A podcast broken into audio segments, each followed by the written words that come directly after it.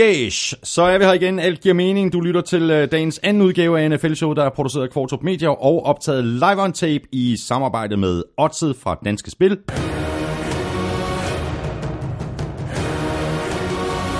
Og Tafel. Jeg har jo øh, allerede lavet vores øh, almindelige podcast øh, i den her Q&A special, der samler vi op på øh, en del af de lytterspørgsmål, som vi har fået i løbet af sæsonen, og som vi ikke har fået øh, svaret på. Derudover kan du også se frem til lidt øh, spilchips øh, til Odset fra Danske Spil. Øh, du finder os de sædvanlige steder. Det er i iTunes, i Google Podcasts og i alle de andre apps til Android-telefoner, plus Stitcher, Spotify, SoundCloud, nflshowet.dk og på gulklud.dk.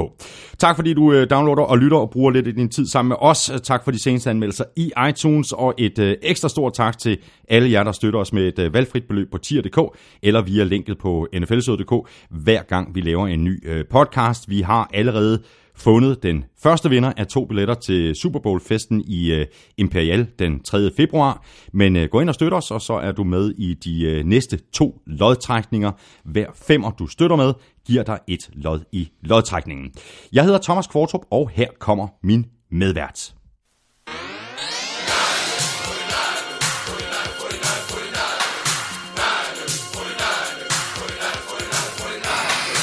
Ja, ja, Claus Elming, du skal ikke sidde der og, øh, og, og rynke på næsen, øh, fordi øh, som Fortnite fan der skal man jo tage de chancer, man får. Og Hvad dem det- har, der er ikke det- været det mange, dem har der ikke været mange af i år. Hvad er det for en chance, du har fået? Hvad for noget? Hvad er det for en chance, du har fået?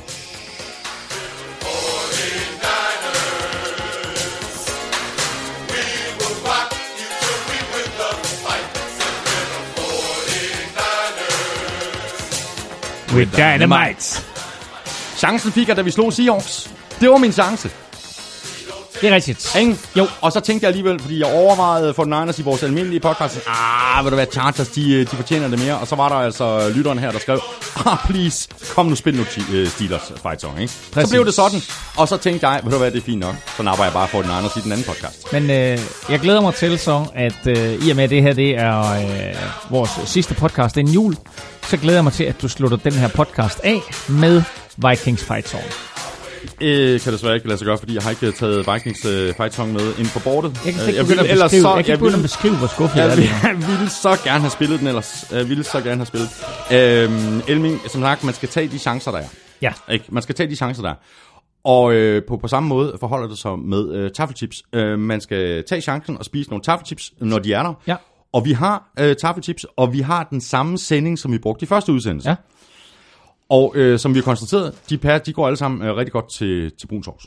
Det er, de er virkelig gode til brun sovs. Altså, der er Move the Sticks, de her øh, små, tynde kartoffelstænger. De er helt fantastiske til brun sovs. Endnu bedre til brun sovs der er de helt originale. de klassiske, original taffelchips. Det her, det er, det er en original, klassik. og det er en klassiker. Ja, det er det virkelig. Og så den her, den nye, den spændende taffel snackhjerter med salt i en dejlig rød julepose.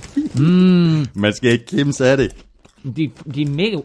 Jeg kan ikke huske, hvad de hedder, de der, de der sådan lidt sådan nærmest bådagtige franske Jeg, jeg, kartofler. kan godt huske, men det var dengang, vi var børn. Jeg ved Ja. ikke, om man kan købe dem længere. Man, man kunne købe dem både kold og varme, og så med remoulade til. Men de, de smager fuldstændig ligesom...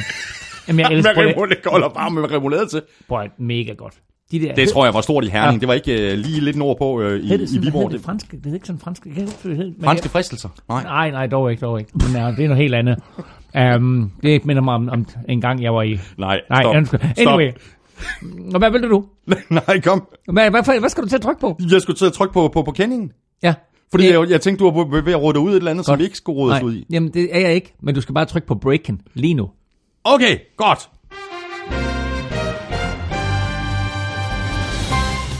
Så er der breaking news. I dagens første podcast kunne vi fortælle, at Todd Gurley er småskadet og er det, man kalder dag til dag.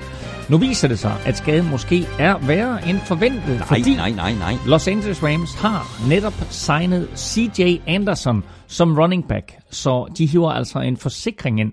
Der er ikke nogen melding om, øh, det står slemt til eller slemmere til med Todd Gurley end først antaget, men nu har de i hvert fald taget det valg, der Hold hedder, at op, de mand. hiver CJ Anderson ind. CJ Anderson, den tidligere Denver running back, Ja, som ja. altså spillede for Panthers tidligere i år, blev cuttet af Panthers, og nu får han altså chancen her for øh, Rams. Nu må vi så se, hvor mange uger eller kampe det holder, Ej, altså, og, og hvor slemt det står til med Todd Gurley. Lad os bare lige krydse fingre for Todd Gurley og for, for, for Rams, fordi det vil være... være, være Det vil være synd, hvis, hvis det er derfor, altså på grund af en skade til Todd Gurley, at deres øh, sæson øh, løber ud i sandet.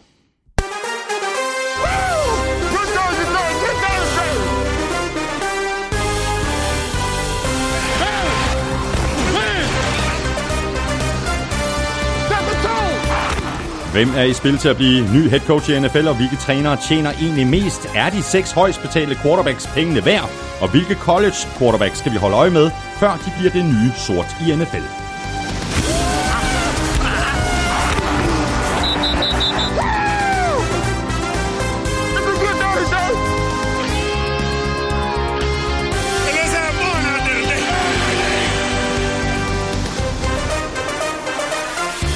Hvad er forskellen på strong safety og free safety? Er der forskel på at spille til venstre eller højre side af banen? Og hvor meget betyder hjemmebanefordelen egentlig i slutspillet? Og har hold med gode forsvar, der spiller i koldt vejr, en fordel? Jeg hedder Thomas Kvartrup, og med mig har jeg Claus Elming.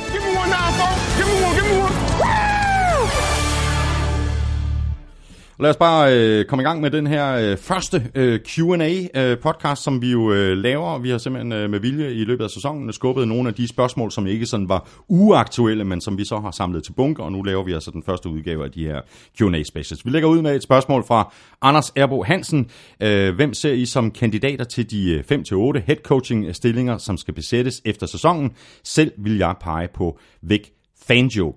Øh, også meget godt øh, bud der fra, fra, fra Erbo Hansen. Øh, det er jo Bærs defensiv øh, koordinator. Øh, er det, hvad, hvad siger du til det, og er det i år, vi måske skal se et øh, comeback til Jack Del Rio, Jim Harbour, Altså, det er i hvert fald to gode muligheder. Uh, Jack Del Rio selvfølgelig, øh, øh, tror jeg, uden for øh, alt, hvad der hedder trænerkapacitet i øjeblikket, er heller ikke at finde på noget college-mandskab. Jim Harbour har vi talt om tidligere i en udsendelse, at, at han kunne være aktuel mm. til at vende tilbage. Jo øh, tidligere head coach for 49ers, øh, og nu head coach for øh, det college-hold, der hedder Michigan Wolverines, og øh, er nævnt som øh, en mulig kandidat til at komme tilbage til, øh, til NFL.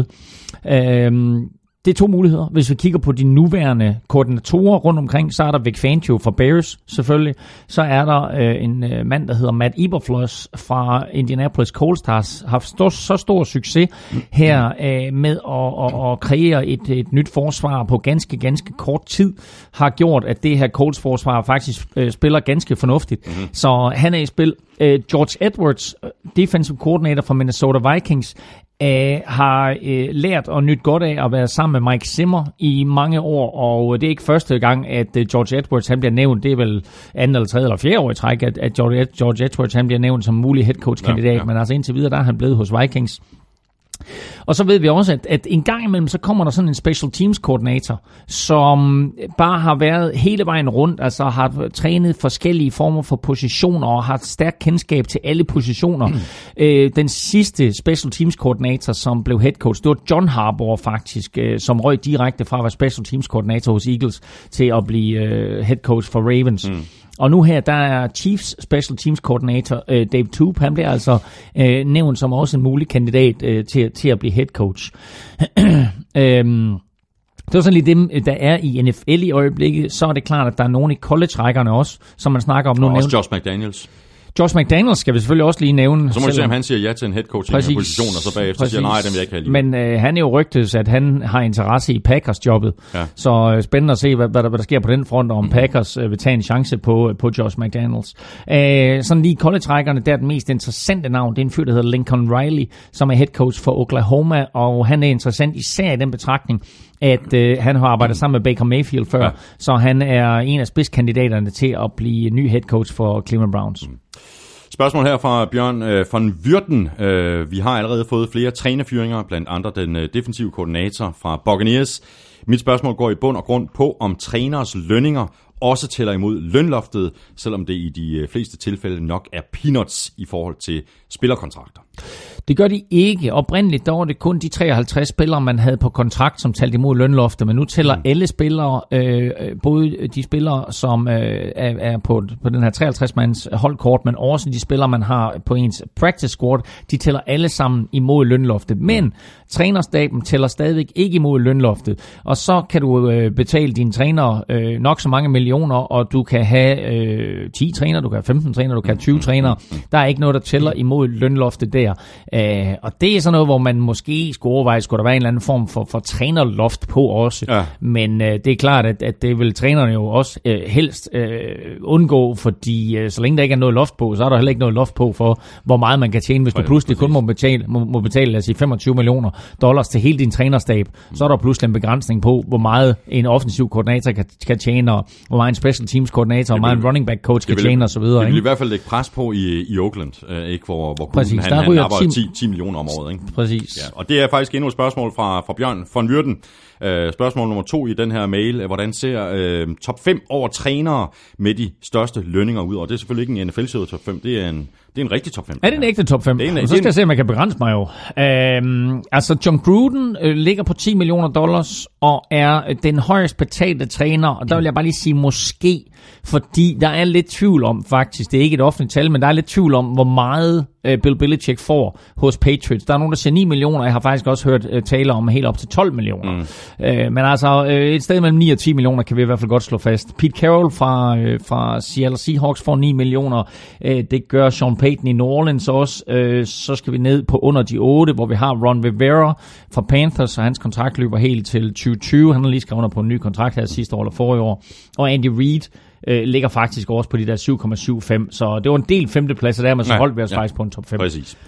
Anders øh, kort spørger, øh, er de pengene værd? Og så har han øh, linket til et øh, tweet med en øh, grafik over de seks højst betalte quarterbacks baseret på øh, gennemsnitlig årsløn i 2018. Vi har øh, Aaron Rodgers med 33,5 millioner, så har vi Matt Ryan på 30 millioner, Kirk Cousins på 28, Jimmy Garoppolo 27,5, Matthew Stafford 27 og Derek Carr med 25 millioner dollar. Og Anders spørger altså, er de pengene værd? Man skal stille sig selv det øh, filosofiske spørgsmål, om nogen quarterback er 25 millioner dollars værd, eller det er bedre at fordele pengene, sådan som man øh, for eksempel ser et hold som Chiefs, som har en øh, ung quarterback, der tjener omkring 5 millioner dollars, måske 6 millioner dollars om året, øh, tjener han der i omegnen af Patrick Mahomes, og så har du masser af penge at gøre godt med til at give til andre positioner. Fordi når du giver øh, 33 eller 34 millioner dollars til Aaron Rodgers, så tager du altså også de her øh, 30-34 mm. millioner dollars væk fra andre spillere. Mm. Og så har du pludselig i det nuværende lønloft kun omkring, i går så en kun, øh, 140 millioner ja, dollars ja. og skulle fordele på 52 plus øh, spillere. Uh, og det er, øh, det er sådan en afvejning, man skal gøre, om Aaron Rodgers er pengene værd i forhold til, at du så uh, har færre penge at gøre godt med. Aaron Rodgers men må jeg, må jeg lige afbryde ja, dig, Lars, øh, for, fordi det her med, med de her rookie-kontrakter, du nævner Patrick Mahomes nu, ikke? Ja, så det gør jo så, at Chiefs nu har et vindue på en 4-5 år, mens Patrick Mahomes mm. er på mhm. sin uh, rookie-kontrakt, til at gå efter at vinde Super Bowl, fordi det, det er jo ligesom Russell Wilson i, i Seattle, ikke? Ja. Hvis du er heldig og har den der helt unge quarterback, hey, vi har en monster quarterback på en rookie-kontrakt. Ja. Godt, så rykker vi nu, ikke? Ja. Når anderledes er det så for, for, for Chiefs, når Patrick Mahomes øh, skal, skal, skal forlænge sin kontrakt, når hans rookie-kontrakt er over, ikke? Mm. så er de dage over. Fordi så kommer han jo op og ligger der, hvor Aaron Rodgers ligger nu. Ja, men præcis, og, og, og det er jo en udfordring, og det er også lidt det, altså man kan sige, øh, hvis, hvis du kigger på Minnesota Vikings, vil det være bedre for dem at have en Case Keenum, til, lad os sige, 16 millioner dollars mm, mm. om året, øh, og så have 12 millioner dollars, de kunne give til andre, mm. end at give øh, Kirk Cousins 28 millioner dollars. Det er sådan en afvejning. Øh, men man må også bare sige, altså Aaron Rodgers giver Packers noget. Det har været en skuffende sæson for Packers, Aaron Rodgers i det hele taget. Men Aaron Rodgers giver Packers noget, mm. som ikke ret mange spillere giver et, et NFL-hold, og som ikke ret mange spillere giver noget hold i nogen sport på, mm. på, på, på verdensplan. Øh, det er der andre ganske, ganske få spillere, der går. Aaron Rodgers sin 33,5 millioner dollars værd. Hvis du ser på det, at han er et unikt talent, så ja. Hvis du ser på det faktum, at du kunne måske få en quarterback til 20 millioner dollars, eller måske endda til 6-7 millioner dollars, hvis det er en ung quarterback, og så du har 30 millioner dollars mere at rute med, eller 25 mm, millioner mm, dollars mere at mm. rute med. Så nej, men altså, lad, lad os starte med ham og så sige, han er et unikt talent. Ja jeg altså, hvis jeg havde øh, 175 millioner dollars at rute med, så ville jeg godt give de 34 til Aaron Rodgers. Ja, ja, præcis. Og du har jo også bare... Øh, vi, vi, vi, vi har haft diskussionen øh, masser af gange, men altså, øh, sandheden er bare, at de her 32 GM's, de vil jo gerne havne i den situation, hvor de lige præ- øh, præcis øh, står over for det her med at skulle betale en quarterback alle de her penge, fordi at quarterbacken er den vigtigste position, mm. og at hvis man vælger at betale alle de der penge, mm. så er der rimelig stor chance for, at, at spilleren så også er pengene værd. Ikke? Du skal finde den der franchise quarterback, og dem er der bare ikke mange af. Nej, hvis du kigger på Andy Reid, øh, så var han head coach i mange år i Philadelphia Eagles. Og der havde han og Philadelphia Eagles organisationen et ry for, at de gav aldrig aldrende stjerner de store kontrakter. Mm. De valgte altid at sige, de her stjerner, de er for dyre i forhold til, hvad de giver os. Vi kan få mere ud af at hyre to eller tre unge spillere, mm. sats på, at en af dem bliver superstjerner, give dem en lav kontrakt. Mm. Så hele tiden, der holdt de lønloftet på et respektabelt niveau. De var aldrig i lønloftproblemer.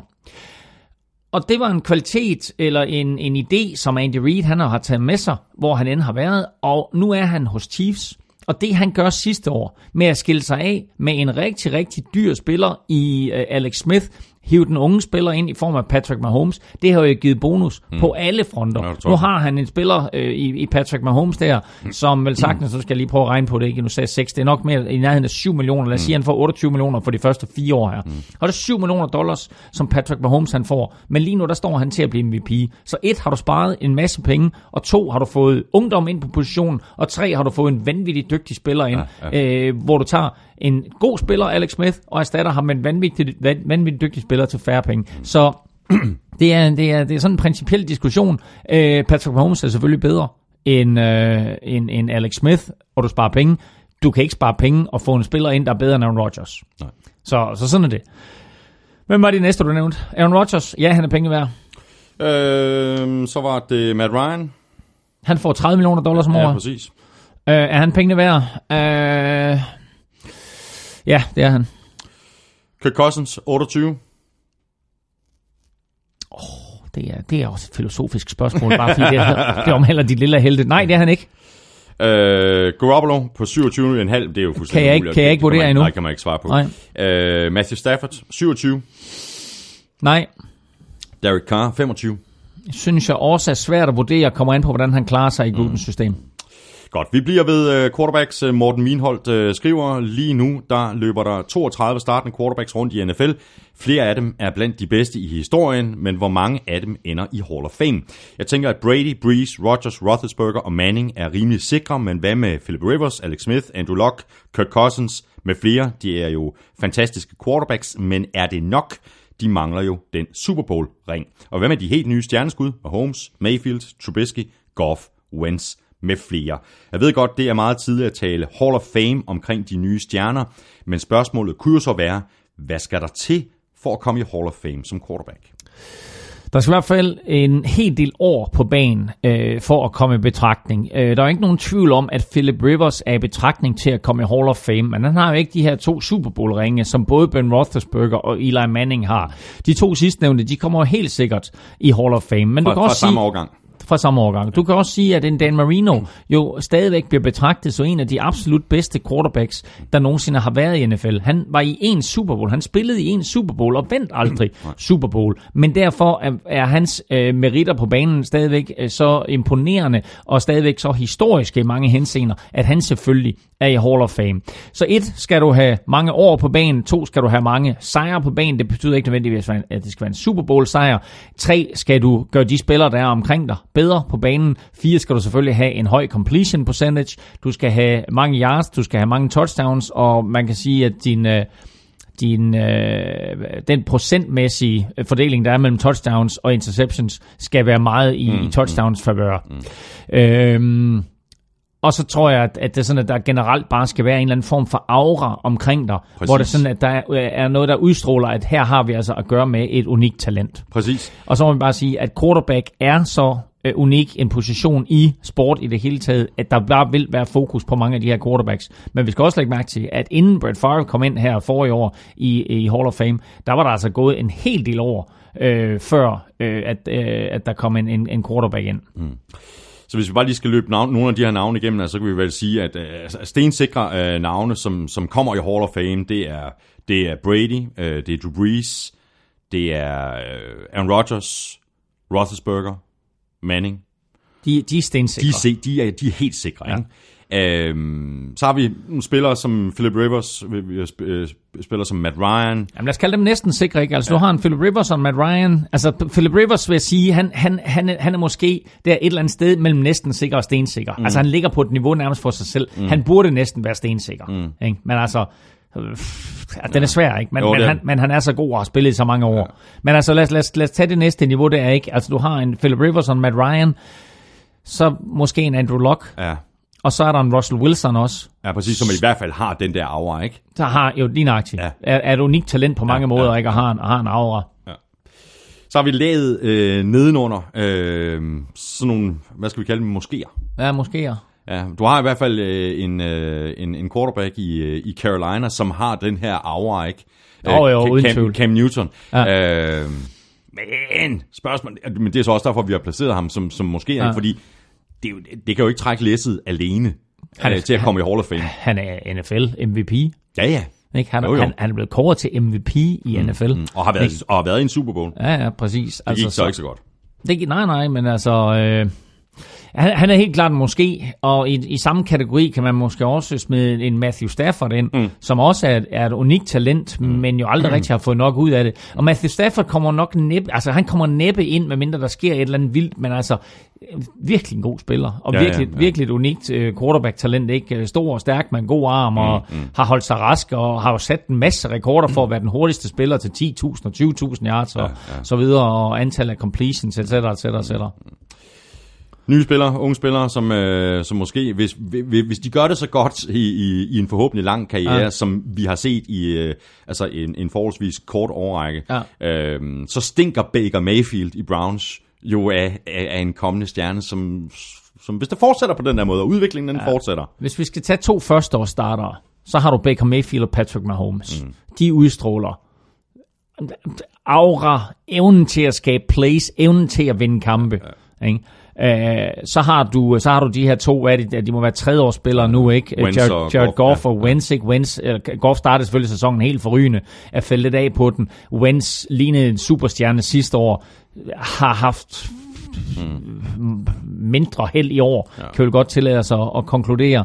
Så har du nogen, altså så har du en, altså så har du dem der, vi ikke rigtig kan vurdere, øh, Sam Darnold, Trubisky, Ja, ja, ja, ja. øh, et cetera, et cetera. Men, øh, Jesper Kyn, øh, han ser lidt øh, fremad. Der er lidt øh, draft i det her spørgsmål, der går på college quarterbacks. Jesper skriver, jeg har set lidt college-kampe i den her sæson.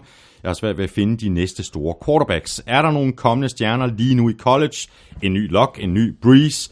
Jeg spørger, fordi øh, der efterhånden er mange af de store quarterbacks, som er langt oppe i alderen, inklusive Breeze. Jeg har selv set Justin Herbert spille et par kampe, men synes, det er svært at sammenligne med det, som vi ser om søndagene. Og Mark Chotklej øh, har faktisk spurgt ind også til øh, college quarterbacks og spørger, hvilke quarterbacks vi bør holde øje med. Og det er jo øh, nærliggende, fordi øh, som vi også taler om i vores øh, øh regulære øh, NFL-podcast, øh, uge 15-podcasten, så øh, skal du og øh, din gode øh, gamle kompagnon, øh, Jim Bøjgaard, jeg var lige ved at sige møghår, øh, jo kommentere syv college-kampe nu her omkring øh, jul og nytår. Ja, øh, TV2 Sport har investeret i øh, syv college-kampe. Vi skal heldigvis, vil jeg sige, kun øh, kommentere de fem, fordi det er noget natteroderi ellers. Men øh, vi, øh, vi kommenterer to college-kampe den øh, 29. Mm. december. Øh, det er to forskellige bowls, inklusiv den ene semifinale. Øh, det er jo sådan, at der bliver spillet semifinaler nu i college football og en finale. Så vi skal kommentere to kampe den 29 december, så skal vi kommentere to kampe den 1. januar, så vi håber lidt på at, at kunne overtage fra alt det her skihop, der har været så populært i mange år. Garmisch-Partenkirchen. I Gammes Partenkirchen, så øh, ryger vi øh, direkte til øh, Chick-fil-A øh, Peach Bowl, ej det vidste de jo ugen før, men, men, eller 29. Men øh, vi håber på, at øh, folk de har lyst til at øh, nyde, eller øh, hvad man siger omkring tømmermænd, øh, øh, nyde dem i fællesskab med os. Det er stærkt. Øh, og øh, der vil naturligvis være, være popcorn og så videre, og muligheden for at skrive, som det skal være. skrive ind til programmet. Alt er, som det plejer at være. Det eneste er, det er, at vi har fået 25 år mere på banen. øh, og så viser vi også college-finalen den, øh, den 7. januar. Det er stærkt. Øhm, så går jeg ud fra, at du øh, godt kan, kan komme med nogle bud på øh, en ny lock, en ny breeze, hvilke quarterbacks, som man skal holde øje med i college. Så går jeg ud fra, at du har læst fuldstændig op på det. Ja, der, altså, jeg vil sige det på en måde, jeg får travlt. Jeg har rigtig, rigtig travlt her, Exactly. inden vi skal i gang. Fordi ja. der er, øh, altså for det første, så er der over 100 første divisionsskoler, og det er selvfølgelig ikke dem alle sammen, vi skal kommentere på, men altså, vi har, vi har en masse masse øh, college, colleges her, som vi skal læse op på, og, og mange af de her skoler her har jo 100 spillere på holdet, ikke? Ja. Øh, sågar så mange spillere, så der er to øh, spillere, der ofte spiller med det samme nummer.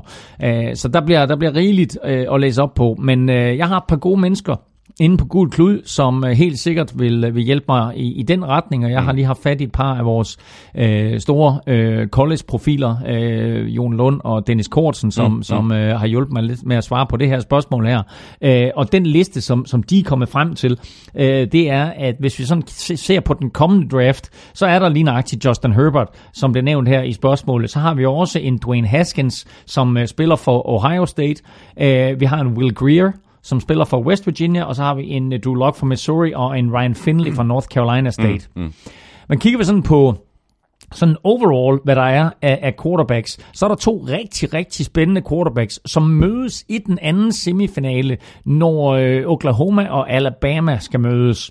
Den ene, det er en fyr, en ung fyr, der hedder Tua Tagovailoa, som øh, er i, jeg tror, sit andet år, så han kommer ikke i draften. I år, det kan også være, at han faktisk er rookie, men, øh, men ellers i hvert fald første eller andet år, mm. øh, som spiller for Alabama. Og så Kyler Murray for Oklahoma, og læg mærke til, at Kyler Murray jo overtog for Baker Mayfield. Mm. Så øh, stor succes og, og fuldstændig vanvittig angreb, som Oklahoma de har. Så også to rigtig, rigtig spændende spillere at holde øje med. Og de to spillere her, Tua Bagaloa og, og Kyler Murray, dem får vi altså først at se i draften tidligst ikke ja, i 19, ja. men i 20. Men hvis man er til college football, og hvis man er til at øh, eventuelt øh, stifte bekendtskab øh, med college football på dansk tv, jamen altså, så er det altså med, øh, med, med Bøjgaard og, og Elming øh, første gang den øh, 29.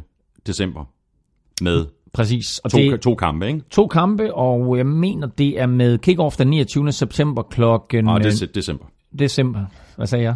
September. Men September. Er, 29. december. 29. december er med kick-off klokken 19 øh, og 23. Og så den øh, 1. januar, der er det klokken 18 og 22. Mm. Philip Holm øh, skriver sådan her, Elming nævnte i jeres uh, draft podcast, øh, det er jo rigtig lang tid siden efterhånden, øh, han nævnte i jeres draft podcast, at øh, der er meget få hold, der kan stille med en øh, så stærk running back receiver duo, som Giants kan med Saquon Barkley og Odell Beckham Jr. Kan man få en øh, NFL-showet special, en uh, top 5 år hold med stærke duoer? Oha, øh, ja det vil være et stykke tid siden, øh, og vi må også sige, at, øh, at de har faktisk haft en rigtig god sæson, Saquon Barkley og Odell Beckham Jr. De har selvfølgelig ikke vundet nær så mange kampe, som, øh, som de havde håbet på, men, men, men hver især må vi sige, at de har haft en, en, øh, en, en god sæson. Den nyeste duo, på, i det her format, det er jo den, der hedder Ezekiel Elliott og Amari Cooper ja. hos Cowboys. Ja. Altså de har da i den grad fået gang i det, efter at, øh, at de ligesom er, er kommet tilbage, øh, eller at, øh, efter at Cowboys har fået fat i, i Amari Cooper. En anden duo, som i den seneste måneds tid har været rigtig, rigtig giftig, det er T.Y. Hilton og Marlon Mack er du for, for, for Indianapolis Colts.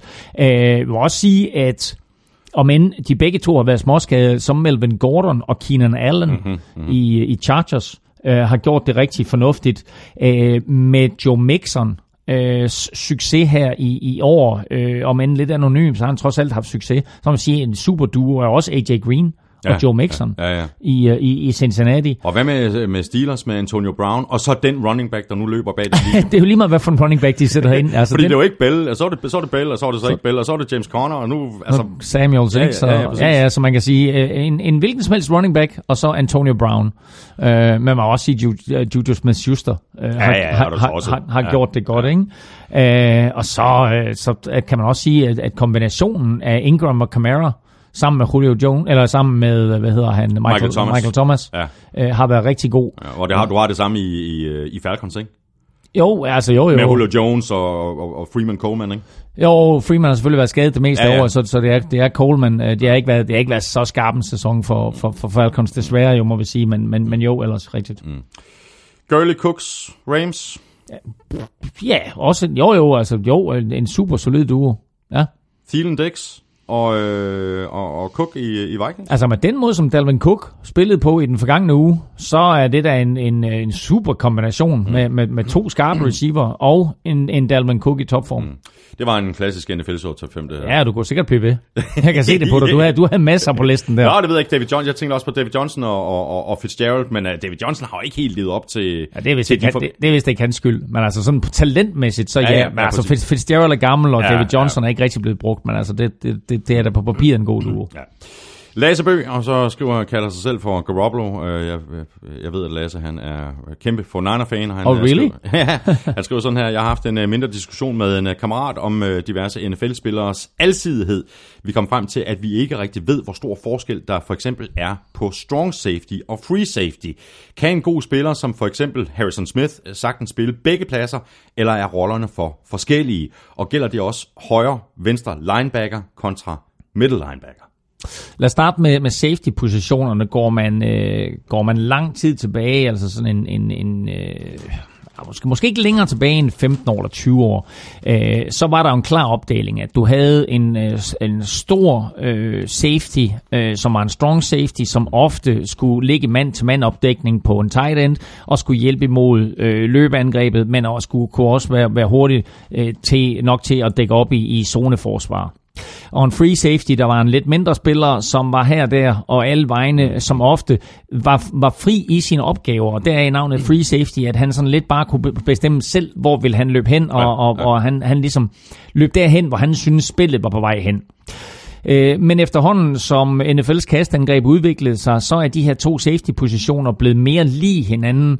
Øh, og spørgsmålet med Harrison Smith er også godt, fordi hvis jeg sådan skulle sige, hvad Harrison Smith han er, så vil jeg jo egentlig sige, at han var en, altså han, han, er jo, han er jo halv strong safety og halv free safety. Han er en strong han er en strong free safety. Han er virkelig en strong free safety, ikke? fordi han ofte jo stiller op øh, der øh, dybt ned midt i banen, men jo ofte også er op ja. til at rushe quarterbacken, og, og andre gange er i opdækning på, på modstandernes tight ends, og tit også er med til at dække op for løbeangrebet. Så den her safety-position er blevet noget udvandet, om end der selvfølgelig er mm. nogen hold, som stiller op decideret med en strong safety og en free safety, mm. men ofte så ser du to safety-positioner, som mere eller mindre er identiske, hvor en af dem måske har arbejdsopgaver lidt til tættere på line of scrimmage, strong safety, ja. og så free safety ofte har opgaver ned ad banen. Jeg må lige uh, koble den anden del af Las Bøs uh, spørgsmål uh, sammen med Mikkel Henningsen, som har et spørgsmål, der er lidt i samme boldgade, altså det her med, om der er forskel på at spille højre og venstre linebacker og, så videre, fordi mm. Mikkel, Hen- Mikkel Henningsen skriver sådan her, er der forskel på at spille til højre og venstre side af banen, som for eksempel wide receiver, cornerback eller tackle, står Julio Jones for eksempel altid i højre side? Uh, Ja, lad os, lad, lad os samle de to spørgsmål. Altså det forrige spørgsmål var også, er der, er der højre og venstre linebacker mm. kontra middle linebacker? Ja. ja, du har en middle linebacker, øh, og spiller du et 4-3 forsvar, så står middle linebackeren næsten altid i midten. Men så skifter de to andre linebackers. De skifter alt afhængig af, hvad angrebet gør. Der taler du netop om en strong side linebacker og en weak side linebacker. Mm. Lad os komme med lidt terminologi, lidt slang her, fordi de tre linebackers der øh, kaldes Will for weak side linebacker, Sam for Strongside linebacker og Mike for middle linebacker. Så når du læser en artikel, eller du ser et eller andet med øh, Will, Sam og Mike, så er det altså weak, strong og middle, som der bliver talt om. Og middle linebacker er selvfølgelig, øh, som navnet siger, altid midten, men de to andre skifter altså side, alt afhængig af, hvordan angrebet stiller op.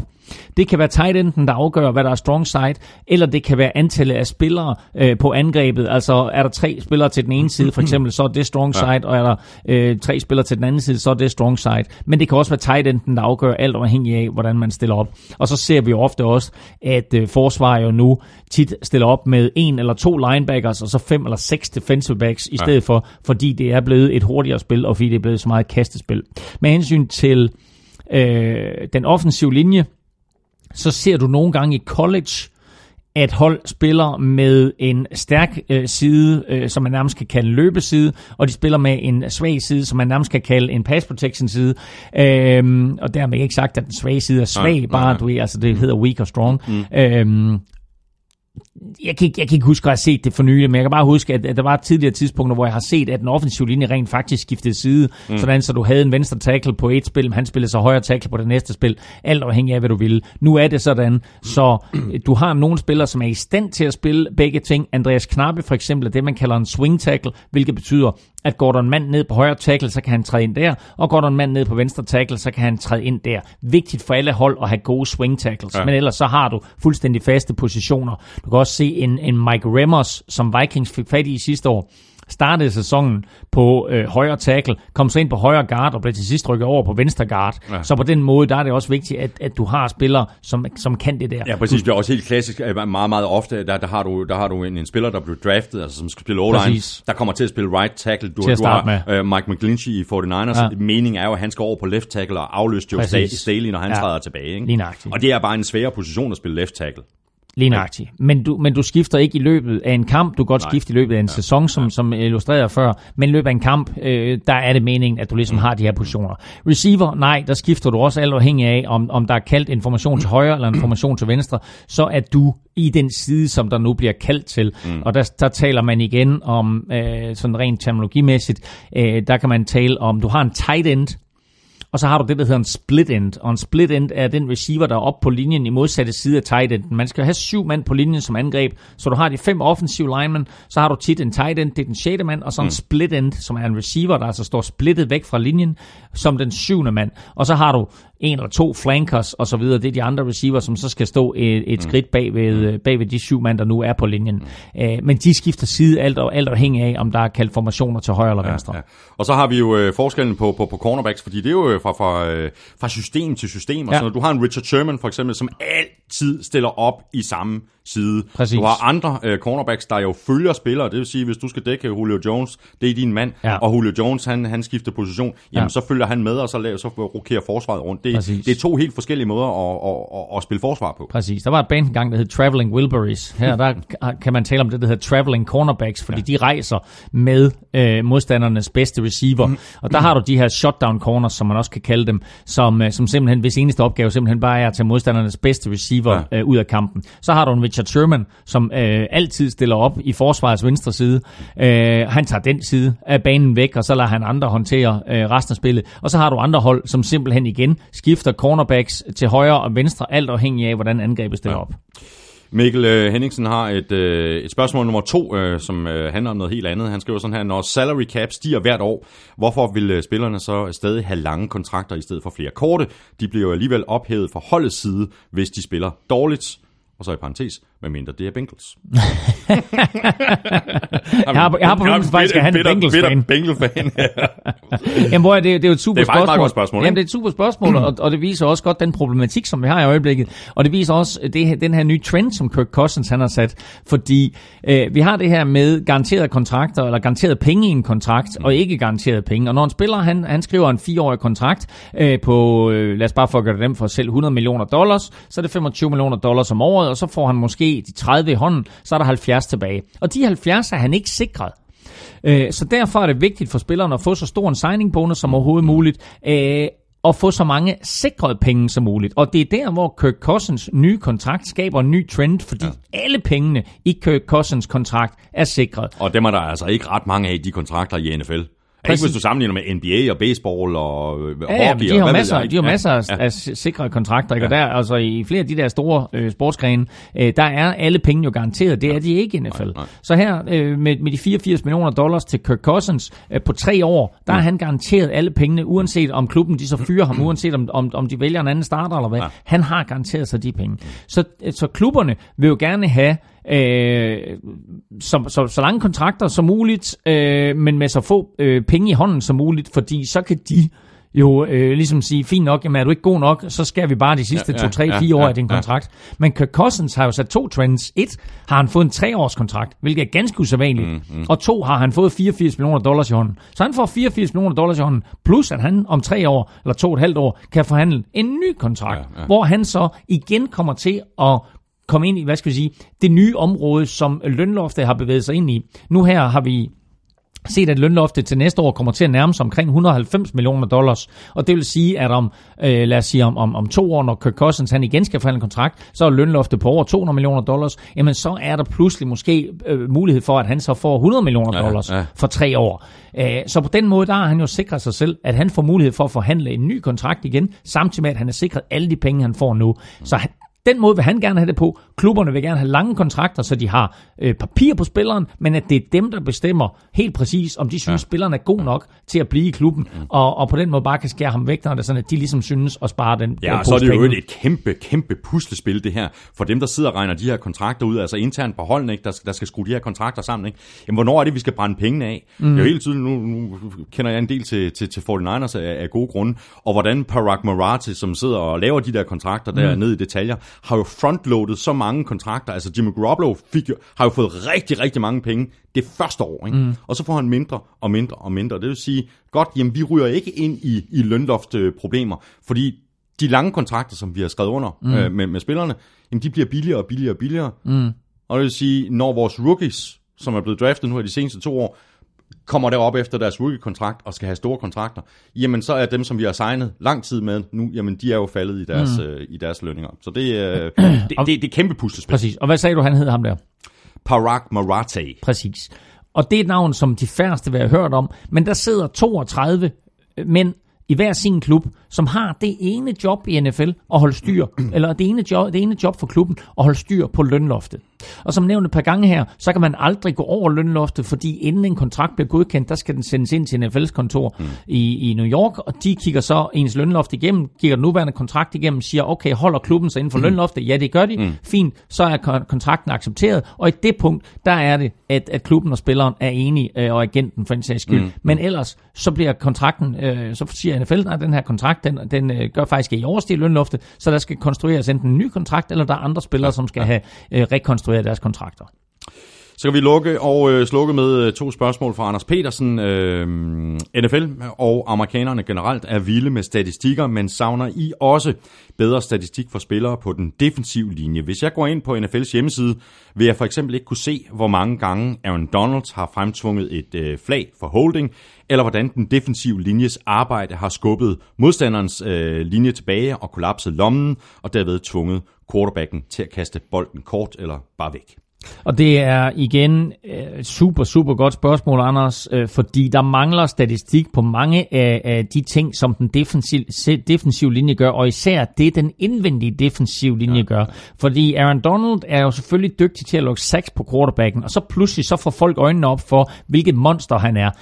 Fletcher Cox har også lavet en del sex, men er lidt mere anonym i, i sit kend, altså i, i sin anerkendelse rundt mm, omkring mm, hos mm. den almindelige fan. Der er ikke nogen tvivl om, at NFL-holdene kender til ham, men den almindelige fan kender måske ikke nok til Fletcher Cox. For slet ikke at snakke om en, en Gino Atkins, øh, eller for en skal skyld uh, Snacks Harrison, som kom mm, til, til mm. Detroit Lions, øh, som bare har, har gjort, at Detroit Lions løbeforsvar øh, fra en dag til en anden øh, er helt statistisk forandret. Ja. øhm, så, så der mangler statistikker, især for de indvendige defensive linjemænd. Der mangler også statistikker for de offensive linjemænd, især fordi det vi jo kun hører om på den offensive linje, det er holding, number 72, 10-yard penalty, 5-yard ja, penalty, ja, whatever. Ja. Øhm, ja, det er jo sådan, at man bare ikke, man, man vil helst ikke øh, have, have kaldt sit nummer op øh, som, som offensiv linjemand. Præcis. Fordi hvis man, man får det, så, så er det fordi, man har gjort noget forkert, ikke? Du er øh, angrebets og holdets anonyme helte ja. øh, på den offensive linje, og sådan er det. Så der mangler noget statistik, som kan indikere, øh, hvor dygtig du er. Skal du se, hvor dygtig en offensiv linjemand er, så kan du se på antallet af yards, et angreb har. Ja. Og så kan du sige, nå okay, jamen, den, de, har, de har en god offensiv linje. Du kan se, hvor mange 100 yards rushers de har, og mm. øh, hvor få gange en quarterback han bliver sækket, men at en, en quarterback øh, bliver sækket få gange, det fortæller jo ikke om, øh, om du har en, en galionsfigur stående dernede som Peyton Manning, eller Nej. du har en fyr som Russell Wilson, eller for en sags skyld, det er Sean Watson, som tager 6-6, fordi han øh, ja. ligger og pisker frem og tilbage, og ikke øh, levner sin offensive linje nogen chancer.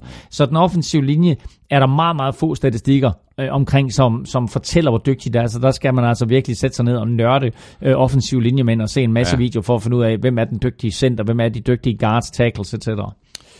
Spørgsmål nummer to fra Anders Petersen. Øh, hjemmebane betyder altid meget i NFL, ikke mindst i slutspillet, men betyder det endnu mere for hold som Bears og Seahawks, der har stærke forsvar og spiller udendørs i koldt klima, at få en sidning, der giver hjemmebane i playoffs? Kan I sætte nogle ord på, øh, hvorfor det ser ud til at være en fordel for forsvaret, når det er koldt? Jamen, der er mange, der er mange grunde til, at, øh, at, det er, at, det, at de her øh, hold med kolde hjemmebaner får en fordel. Øhm, ofte så møder de et, et mm. hold, som kommer fra varmt klima, måske endda et indendørs, øh, et hold, der spiller indendørs til daglig. Og jeg har ved selvsyn set Dallas Cowboys imod Chicago Bears på Soldier Field på en, til en Monday Night kamp i minus 20 grader Celsius. Det var den femte koldeste kamp i Chicago Bears historie. Og det stod nogenlunde lige ved pausen. Jeg tror måske Bears var foran med tre eller noget i den retning. Mm. Men i anden halvleg, der er det, det er blevet endnu koldere, og spillerne har lige været inde i pausen, og måske få lidt varm te, og, og lidt varme i både fingre og hænder, og, og fødder og tæer og så videre. Kommer de ud, Chicago Bears, de kører bare videre. De er vant til det. Mm, mm. Dallas Cowboys, mm. de fryser fuldstændig cheese. De kan Om, ingenting. om man så må sige. Det, det gjorde de. Ja. Altså, det, det, du kunne se på dem, at de var fuldstændig dybfrosne alle sammen. Ja. De kunne ingenting på den offensive mm. side af bolden, og de havde også svært ved at ramme på den defensive side af bolden. Mm. De brød sig simpelthen ikke om det. Jorden er stenhård, bolden er stenhård. Det gør ondt over alt, når du takler. Og det er det her koldværshold, det er de vant til. Både på angrebet og på forsvaret. Det kan gå øh, øh, øh, rigtig net og bare gribe en bold, ikke? Jo, jo, men altså alt, at der alt gør ondt. Alt gør ondt. Men det er koldværsholdet vant til. Det er spillerne vant til. Så når du siger, at, at koldværs forsvaret øh, har det nemmere, så er det fordi det her koldværsforsvar, de er vant til det. Så kommer varmværsforsvaret og skal pludselig spille i koldvejr. Det bryder de sig ikke om. Hver gang de rammer, så gør det ondt. Koldværs angrebet, de kan slet ikke få det, eller varmværs angrebet, de, de, de kan slet ikke få det til at fungere. For det går rigtig naller. Så der er bare, der er bare så mange ting ved det her. Øh, så øh, det kan godt være, at man sådan i en kvart eller to følger med, men sådan set over fire quarters, og især hvis det er en aftenkamp, hvor det bliver rigtig koldt, ja. så er der altså en enorm fordel for hold som øh, Ravens, Steelers, Packers, altså lad os tage dem, der kommer i playoffs i år, måske ikke, altså Ravens, Steelers, en, en af dem, øh, Seahawks, øh, Bears, Bears øh, du har Patriots for eksempel, mm, ikke? Mm, mm. Så, så nogle af de hold, der har altså en fordel over for de andre. Og det her, det var altså bare øh, nogle af de spørgsmål, som vi har modtaget i løbet af sæsonen, og som vi altså havde valgt at skubbe til den her lille Q&A special. Vi, øh, vi gør det øh, igen, øh, lige præcis øh, hvornår vi laver sådan en Q&A special nummer to. Øh, det har vi ikke lige helt øh, besluttet Nå, nu. Men det, det kunne måske blive mellem konferencefinalerne ja, og Super Bowl det, eller ja, noget i den retning. Det er ikke? det er ikke helt øh, Så øh, skyd jeg spørgsmål afsted. Yes. Øh, Elming, øh, før vi stempler ud og går på, på juleferie, du har jo allerede leveret skarpe spiltips øh, til også for danske spil i vores øh, første udsendelse i dag. Øh, har du lidt mere ja, i, i ærmet? Jamen jeg tænker, at nu kigger vi sådan lidt mere øh, fremadrettet. Det vil sige, at vi kigger på slutspil, og især ja, på Super Bowl. Ja. Og så kigger vi faktisk også lige en tak længere end det, fordi vi har faktisk et hængeparti også med, med danske spil. Men øh, lad os prøve at kigge på Super Bowl. Hvem er din favorit lige nu til at vinde Super Bowl? Oh, det er svært, var. Jamen altså, hvad er vi Fordi, ude nå, men, nå, men det, Er vi ude i Rams? Er vi ude i Saints? Er vi ude i Patriots? nej, øh, det har vi faktisk ikke. Chiefs. Øh, ja, jeg holder fast i Chiefs. Godt. Lad os sige, holder fest. Ja, ja. Ja, det er fint. Godt. Chiefs giver odds 7,0. Lad os lige gennemgå øh, toppen her. Øh, stor favorit er New Orleans Saints til 3,5. Mm. Rams giver 6. Chiefs giver 7. Patriots er faktisk faldet til 8,5. Det er sådan lidt overraskende. Ja. Men hvis jeg skal komme med et godt bud nu her, øh, så, er de faktisk, så ligger de faktisk også på 8,5 og det er Los Angeles Chargers. Og det kan godt være, at det er sådan ud fra en eller anden form for sentimental værdi, og bare fordi jeg håber på, mm, mm. At, øh, at, at, at, at Chargers og Philip Rivers de endelig får deres Super Bowl. Men jeg synes bare, der er nogle kvaliteter Ja, i det hold her, er som gør, at, øh, at... Og de har faktisk stadigvæk mulighed for at få hjemmebane Det har de hele nemlig. vejen igennem Og som slutspillet. vi har talt om i flere år, mens vi har lavet NFL-søde, der har vi siddet hver eneste år og sagt, kom nu Chargers, fordi de har, de, altså, det har været så tydeligt, at de havde potentialet, ikke? Og ved du hvad? og så har de, blevet, så har de været øh, masser af skader, eller også har de mm. skudt sig selv i foden. I år, der holder de altså snuden i sporet, ikke? Og det er så interessant. Tænk sig, hvis de får hjemmebanefordel i, Uha. i, i slutspillet, og skal spille alle deres hjemmekampe foran 30.000 eller 28.000 tilskuere på Stop Hop Field, og så måske endda imod et hjemmebanepublikum, som ikke helt holder med dem. Nej, det er det. Lad os håbe, at alle de Chargers-fans, der overhovedet er i Sydkalifornien, at de tager sig sammen til at komme ud og støtte deres hold, i stedet for at det stadion der, det skal være fyldt med trøjer for modstanderholdet. Ja. Nå, Bears, øh, hvor, hvor, Bears, hvor er de henne i det ligger, regnskab Bears her? ligger på odds 11, og det er også øh, interessant. Ja, det er det. Øh, Steelers odds 16, Cowboys odds 25, Seattle Seahawks odds 34. Jeg kunne godt finde på at smide 100 kroner på Minnesota Vikings. Odds 35. Hvis det angreb kører, som vi så i weekenden mm-hmm, mod Dolphins, mm-hmm. så har de forsvaret til at vinde hele baduljen. Så øh, odds 35 på Vikings er heller ikke helt umuligt. Og så har du outsideren Colts, odds 34. Så har du øh, Panthers og Redskins til 200. Du har Browns til 200. Du har Dolphins til 250. Det er ikke realistisk. Men hvad med Tennessee Titans mm-hmm. til odds 55? Det er heller ikke tosset. Det er heller ikke tosset, vel? lige de sidste to uger til betragtning, de er selvfølgelig ikke inde i slutspillet. Nej, nej, nej, nej. Så, så nej, det, nej det, og Browns er heller ikke inde i slutspillet nu, men, men at de bare bliver nævnt, hvor, hvor det ikke er odds 1000. Det er odds ja, ja. 200. Ja, ja. Så det er lidt interessant. Nå. Det er det. Øhm, så kunne man jo godt sådan, du ved, lave sådan en, altså man kan gå ind, og så kan man jo kombinere de her forskellige Super Bowls, man godt kunne tænke sig at se. Mm. Nu glæder vi os til at se, hvem der kommer i Super Bowl. Men vi ved jo, at Saints kommer i, vi ved, at Chargers kommer i, og vi ved, at Rams kommer i. Det vil sige, at du kunne få den rene Los Angeles Super Bowl mellem Chargers, Chargers og Rams. Kæft, det kunne godt. Du kunne også få den her rematch mellem de to tidligere holdkammerater, Philip Rivers og Drew Brees, mm. med Saints imod Chargers. Og når vi kender de 12 hold, så laver jeg en artikel ind på Google Klud med alle de sjoveste Super Bowl sammensætninger, fedt, man kunne få. Fedt, fedt. Ja. Så, øh, så der er sådan lidt, lidt forskellige muligheder. Man kan gå ind og spille på AFC-vinder, man kan gå ind og spille på NFC-vinder, så man kan kombinere de her forskellige muligheder for ligesom at se, hvad er det for en Super Bowl, man allerhelst vil se. Øh, så har vi øh, nogle forskellige muligheder for at spille på vinder af NFC East, som jo ikke er afgjort. Bliver det Cowboys, bliver det Philly, bliver det Redskins? Cowboys mm, mm. giver kun 1-0-4, ja. så de er selvfølgelig store favorit. Ja. Øh, man kan også spille på AFC North, lidt mere interessant. Er det Steelers til 1,55 eller Ravens til 2,5, man tænker på? Øh, eller endda Browns til også 29, hvis ja, det er. Ja, ja, ja. Eller AFC West, hvem vinder den? Gør Chiefs det, eller gør Chargers det? Chiefs giver 1,5, Chargers giver 2,5. Så muligheder der. Der er rigtig, rigtig, rigtig mange muligheder øh, der, derinde, hvis man, Præcis. hvis man godt lige vil sætte lidt mønt. Ikke? Og så har vi den sidste, nemlig vores hængeparti, som vi har nævnt en enkelt gang før, og som øh, er sådan en hængeparti, som går langt hen over Super Bowl, nemlig hvor spiller Le'Veon Bell i 2019-sæsonen. Og øh, oddsen har jo ikke som sådan ændret sig. Øh, Jets er stadigvæk stor favorit til odds 5. Min anbefaling går stadigvæk på Philadelphia Eagles til odds 10. Men øh, der er også øh, andre, andre interessante, øh, som for eksempel, at han øh, ryger til Houston Texans til odds 15, kunne også være, være, være ganske interessant. Men Jets er stadigvæk øh, store favorit. Jets er, Jets er favorit, de har givet odds 5, Raiders odds ja. 6. Altså Raiders kunne også være, være en mulighed. De står det, der i hvert fald og, og mangler en running back ja, derude. Synes, de, de, de skal næsten uh, danske spil lave, uh, lave et odds på, hvor Raiders spiller i næste sæson. det, det, er ikke, det talte vi om i den første udsendelse ja. dag, ikke? Det kan være lidt af en sviner, der sådan, at man, man, man, man tager Oakland Raiders, og så spiller han for Raiders, men Oakland spiller i San Diego. ja, så der, det, det vedmål vandt du desværre ja, ikke. det er stærkt. Tak for nu, Elming. Det har været en, en, en fornøjelse endnu en gang. Øh, øh, glædelig jul. Glædelig jul. Og endnu en gang øh, tusind tak for, øh, for, din, øh, for din julegave, som jeg jo fik i første udsendelse. Julekugler. Chili Claus' øh, der, er, der er 24 stykker i en julekalender, som jeg skal til i gang med, hvis den skal, hvis, den skal, hvis der skal ryddes op Chili, i, i den. En, en, en, Chili Claus og jeg er ikke, du ved, som der er, nogen, der er nogen, der kalder ham for uh, my brother from another mother. Vi, uh, vi minder en lille smule om hinanden med det grå skæg og så videre. Ja, Men uh, som, som jeg sagde, det er stærke sager.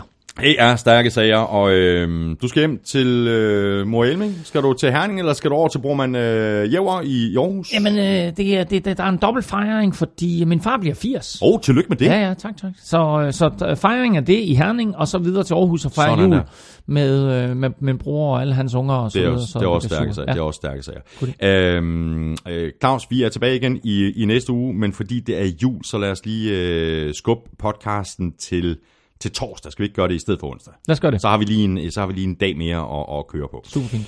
Tak for i øh, dag, og tak fordi du lyttede med. Glædelig jul til alle. Øh, også stort tak og glædelig jul til vores øh, gode venner og sponsorer fra Tafel og Otze fra Danske Spil. Støt dem, de støtter os. Tak for nu. Vi høres ved. NFL-showet er produceret af Kvartrup Media, der også producerer Born Unplugged, hvor jeg hver eneste uge tager dansk politik under kærlig behandling sammen med min fætter Henrik. Elming og jeg er som sagt tilbage mellem jul og nytår med vores sædvanlige udgave af NFL-showet. Ha' det godt så længe. Glædelig jul. Hot hot.